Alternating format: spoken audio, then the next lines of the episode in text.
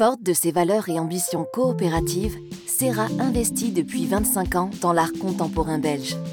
La coopérative n'opte à cet égard pas pour des valeurs établies, mais pour des talents prometteurs qui ont encore besoin de soutien et pour des talents confirmés restés méconnus.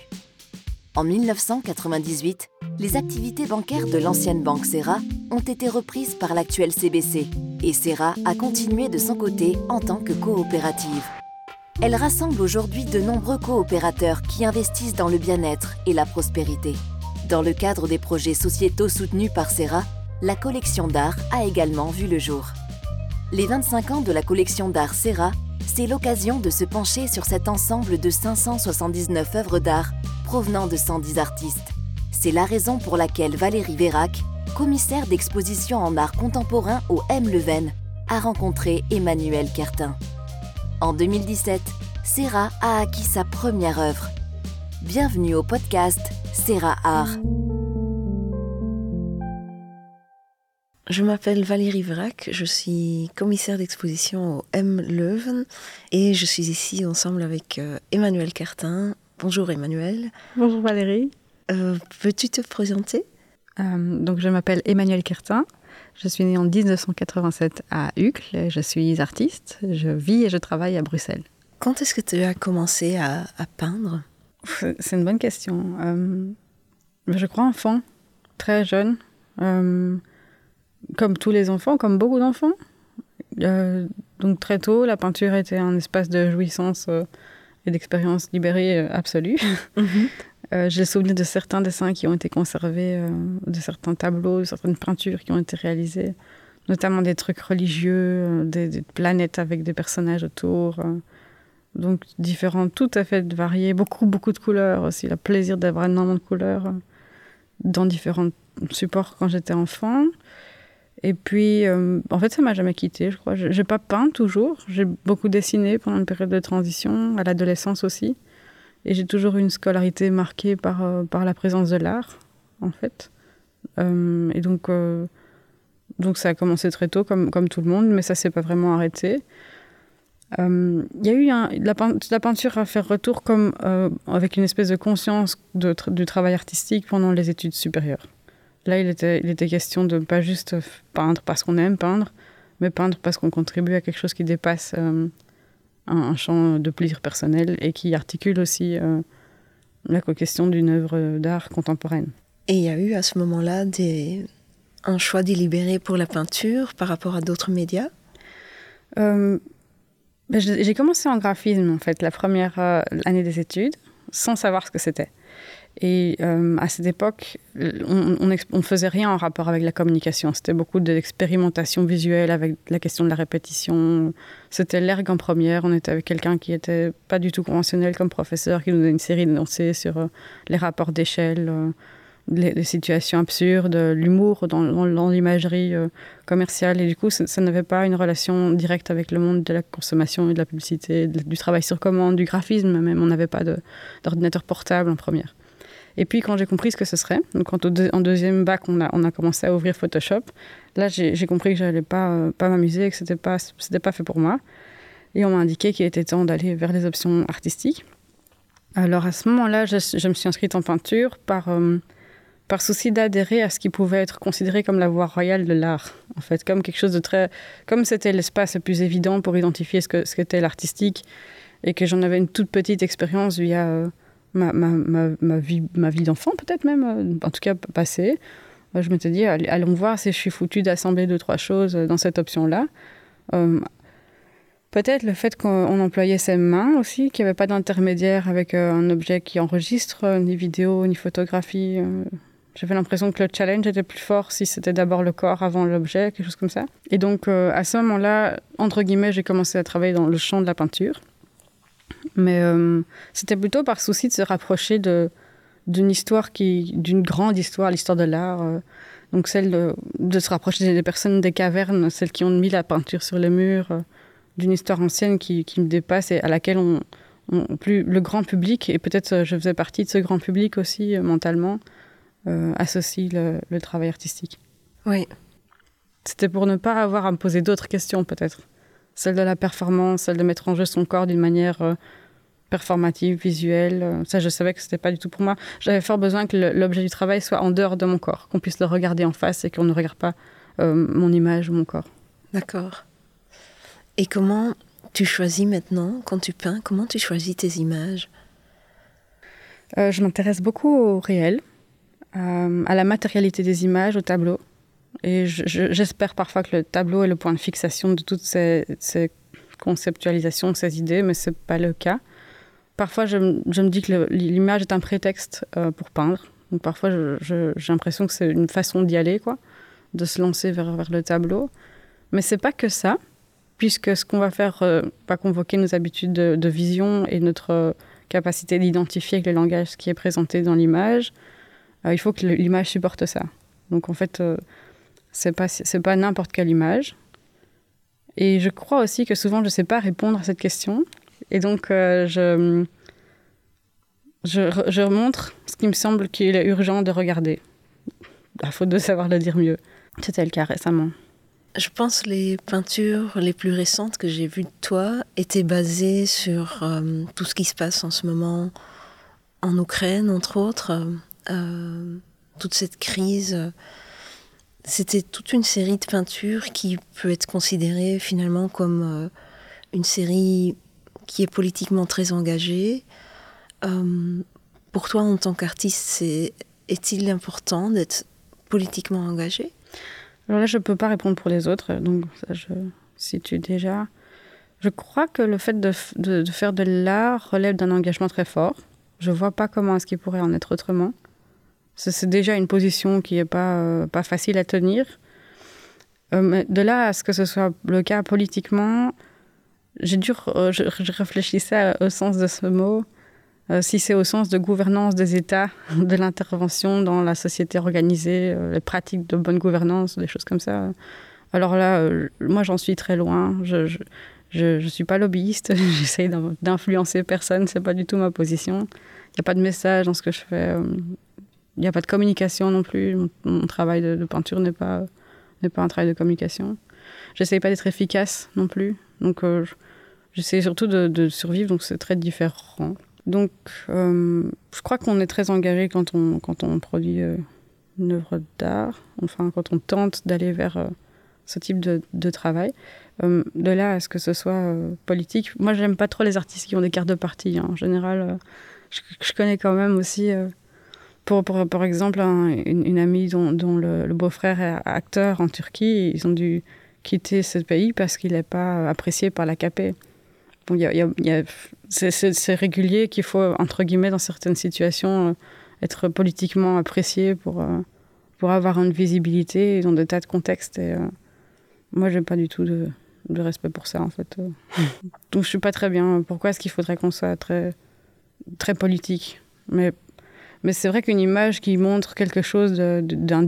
Parce que maintenant, c'est des tableaux où on voit des, des photos d'un politicien il, est, il est devenu politicien, oui. Monsieur Zelensky. Euh, on peut identifier ces images comme étant euh, du domaine politique, peut-être. Moi, c'est surtout le visage qui m'intéresse. Euh, le fait que cette personne s'est récemment improvisée aussi politicien, parce que c'était pas son travail jusqu'en 2019. Mhm.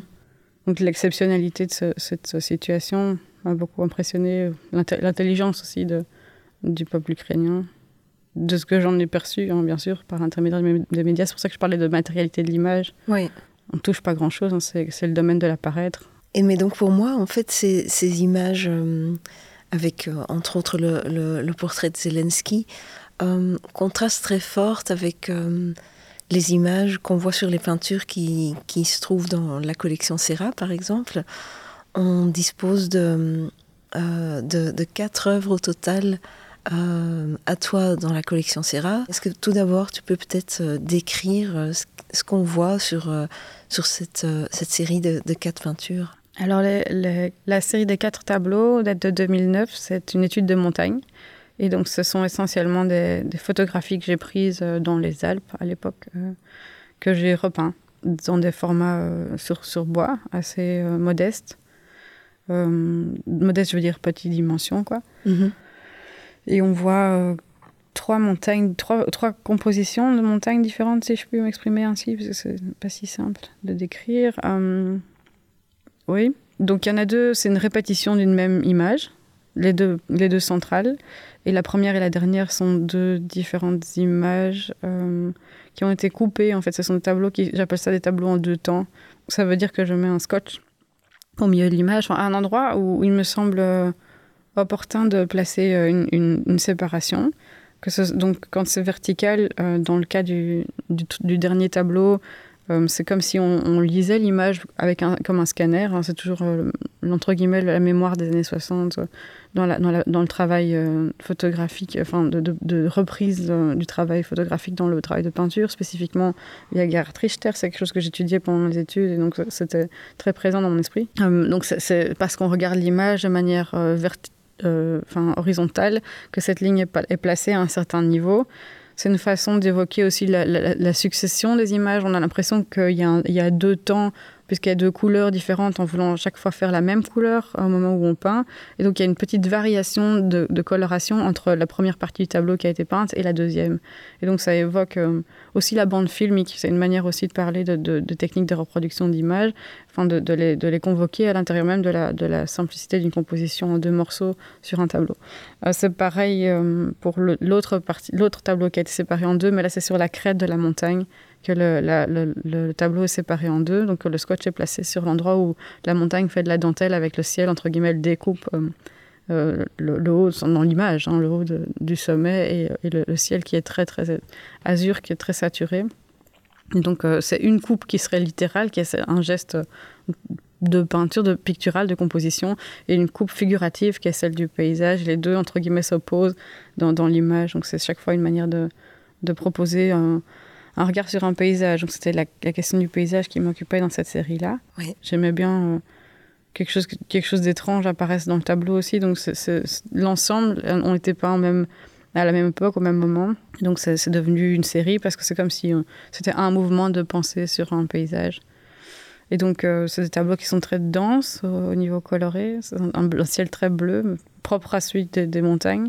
Il y a ce phénomène, en fait, de peinture, de souvenir de ce qu'on a vu dans le paysage physiquement, qui, qui arrive dans l'image, qui se croise avec la, reproduction de cette couleur photographique qui est sur le papier qu'on regarde quand on peint. Donc il y a une espèce de mixte des deux, des, deux mémoires, la mémoire de la photographie, la mémoire physique ou visuelle qui arrive dans le tableau. Et c'est ça que c'est cette série-là que, que Serra a acquis en premier. Et elle date de, de quelle année exactement? C'était en 2009 que je l'ai réalisée, mais elle a été acquise bien plus tard.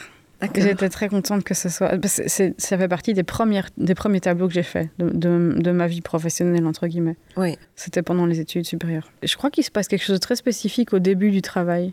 On pose des choses qui, enfin, qui, qui vont orienter l'ensemble d'une pratique. Les premières idées, les premiers moments où ça commence à être euh, un travail qu'on peut assumer publiquement parce qu'en fait, se joue dans, dans ces, dans ces travaux-là. Euh, des moments spécifiques où on sent qu'on est, on est juste par rapport à quelque chose qu'on aimerait euh, rendre public. Et c'était les tout premiers, donc c'est le moment où on invente, où on découvre vraiment, où on est tout à fait... Euh, enfin, je, souhaite à tout le monde, aux artistes, de toujours inventer, mais euh, les tout premiers, c'est particulier, puisque c'est des moments où on, on, est tout à fait hésitant, où on est fragile, où c'est particulier aussi sur le plan technique, mais ça, on en parlera peut-être après. Euh, donc pour moi, c'est important dans le sens où il y avait une concentration et un temps qui était donné à ces tableaux qui n'est pas le même que celui qu'on a dans une pratique quotidienne, où on a déjà son atelier, où on continue à travailler, parce que j'avais des doutes à chaque étape. Je n'étais pas du tout sûre de ce que je faisais, donc chaque chose était très lente, était très imprégnée des lectures, était très imprégnée d'une de, conscience dans chaque choix. Il n'y avait pas d'autre enjeu que celui d'arriver à faire un tableau.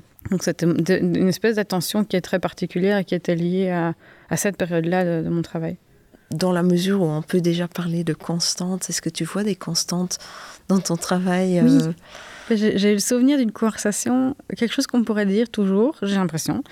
Euh, donc ça, remonte au tout début, de nouveau cette période des montagnes, au début de, mon travail artistique. Herman Dalet, à l'époque, donc qui était euh, ce collectionneur fameux belge, mhm. avait acheté tout le mur que j'avais présenté à notre, euh, enfin bref, à notre exposition de fin d'études qui avait lieu à Network euh, à l'époque avec Paul Lagrin, qui, nous avait très généreusement offert euh, tout le bâtiment pour un été. C'était vraiment exceptionnel.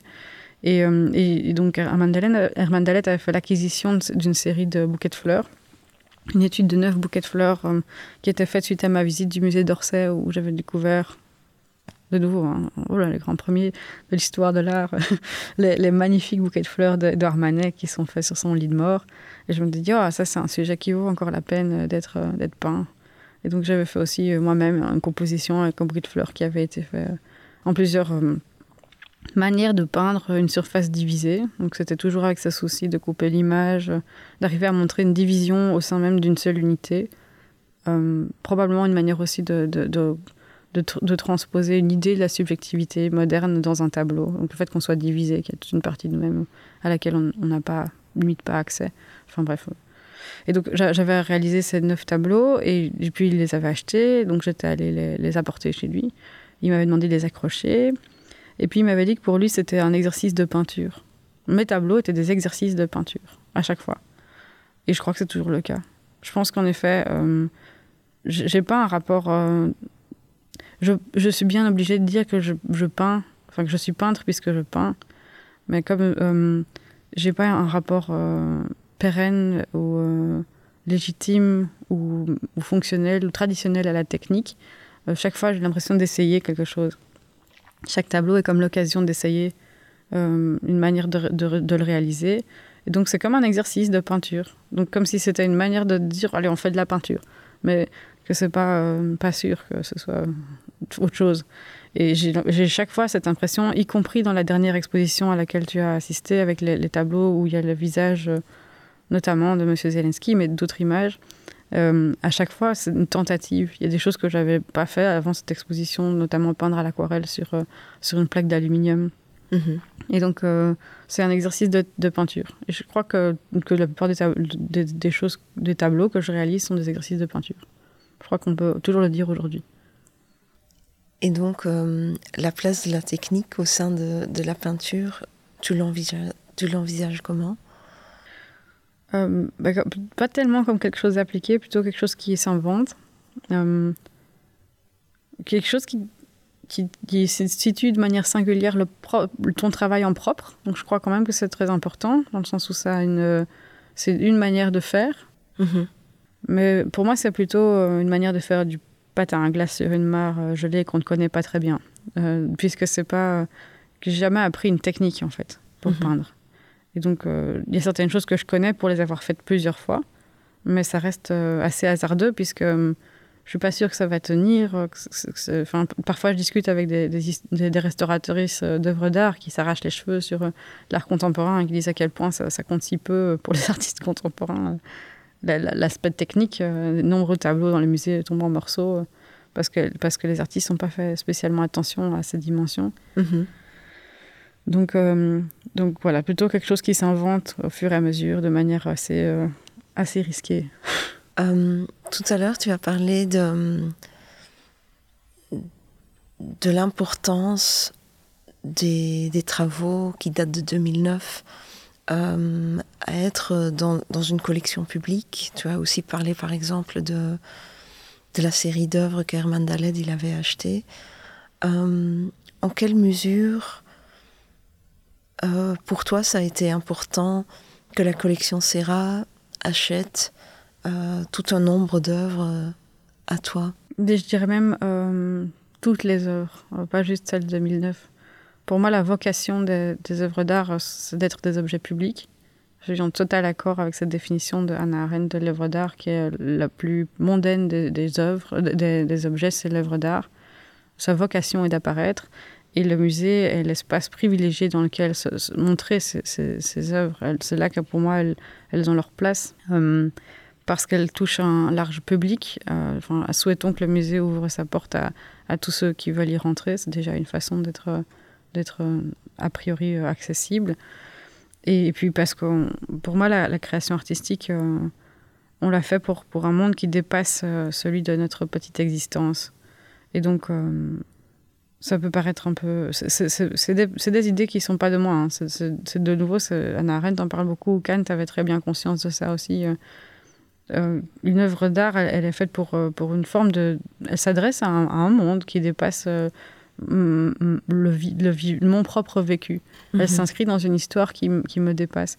Et en fait, pour moi, les, musées ont tout à fait leur fonction ou leur raison d'exister euh, parce qu'ils sont des espaces privilégiés qui se dédient à cette, euh, à cette histoire-là. Et donc, quand les œuvres ont été achetées par Serra, et qu'elles sont enfin passées dans une collection publique, dans, un, dans, du, dans le domaine public, donc de l'atelier, de l'espace de visibilité qu'elles aient pu avoir euh, ailleurs, dans d'autres circonstances. Donc pas dans un circuit commercial, mais dans un, circuit qui se dédie euh, à, à, la connaissance et à, toute, à, toute une autre fonction sur le plan de l'esthétique.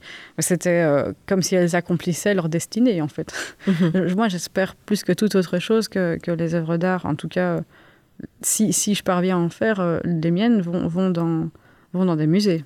Euh, c'est vraiment l'espace euh, privilégié dans lequel j'espère qu'elles arriveront pour, pour qu'elles pour qu'elles soient libérées d'un marché, probablement déjà, parce que ça, c'est un des enjeux aussi, et un des, des, espaces particuliers de visibilité des œuvres d'art contemporaines, et qu'elles aient une vie publique, parce qu'elles ne sont pas faites pour rester dans un atelier. Mhm. ça n'a pas de sens. donc, donc vraiment, c'était c'était un, énorme, une énorme joie qu'elle soit, qu'elle soit, qu'elle soit acquise dans une, collection comme Serra. Est-ce qu'il y a des projets sur lesquels tu travailles en ce moment? Oui. Euh, il y a une édition que je réalise pour les, les Beaux-Arts, euh, pour l'SB de la jeune peinture, en, en, précisément, euh, de sculpture en verre. donc c'était dans le même, ce, ce, travail a commencé dans le même mouvement que l'exposition sur les images qui concernent la situation en Ukraine. Et je voulais illustrer certains concepts du président Zelensky dans des, dans des, dans des sculptures en verre, qui sont euh, pas très grandes. Hein. Il, y en a, il, y en a, une qui fait un mètre carré, mais c'est tout. Et, euh, et, parce qu'en fait, c'était des, des, concepts qui concernent le monde démocratique ou, la liberté. Ou, il avait une façon très précise de, de définir chacune de ces choses. Euh, et puis c'était si fragile. La situation est tellement catastrophique et dangereuse que tout peut casser tout le temps. Donc je m'étais dit qu'en verre, c'était probablement la bonne matière pour commencer à montrer, euh, à, montrer à se faire écho de ces, de ces discours, euh, assez éloquents, je trouve, par ailleurs. donc il y, y, a toute cette série-là de travaux. Il y a une série d'aquarelles aussi sur laquelle je travaille en ce moment. Et puis une édition qui concerne, mais qui, qui, qui est pas pour tout de suite, une édition sur un fantasme de thèse. Ouais. Ça semble tout, euh, tout à fait passionnant. je te souhaite euh, que, que des beaux projets et je te remercie euh, beaucoup pour cette conversation. Avec grand plaisir, merci à vous. La collection d'art de Serra est conservée et gérée par M. Leven. Vous voulez en savoir plus sur notre collection d'art Serra? serra.coop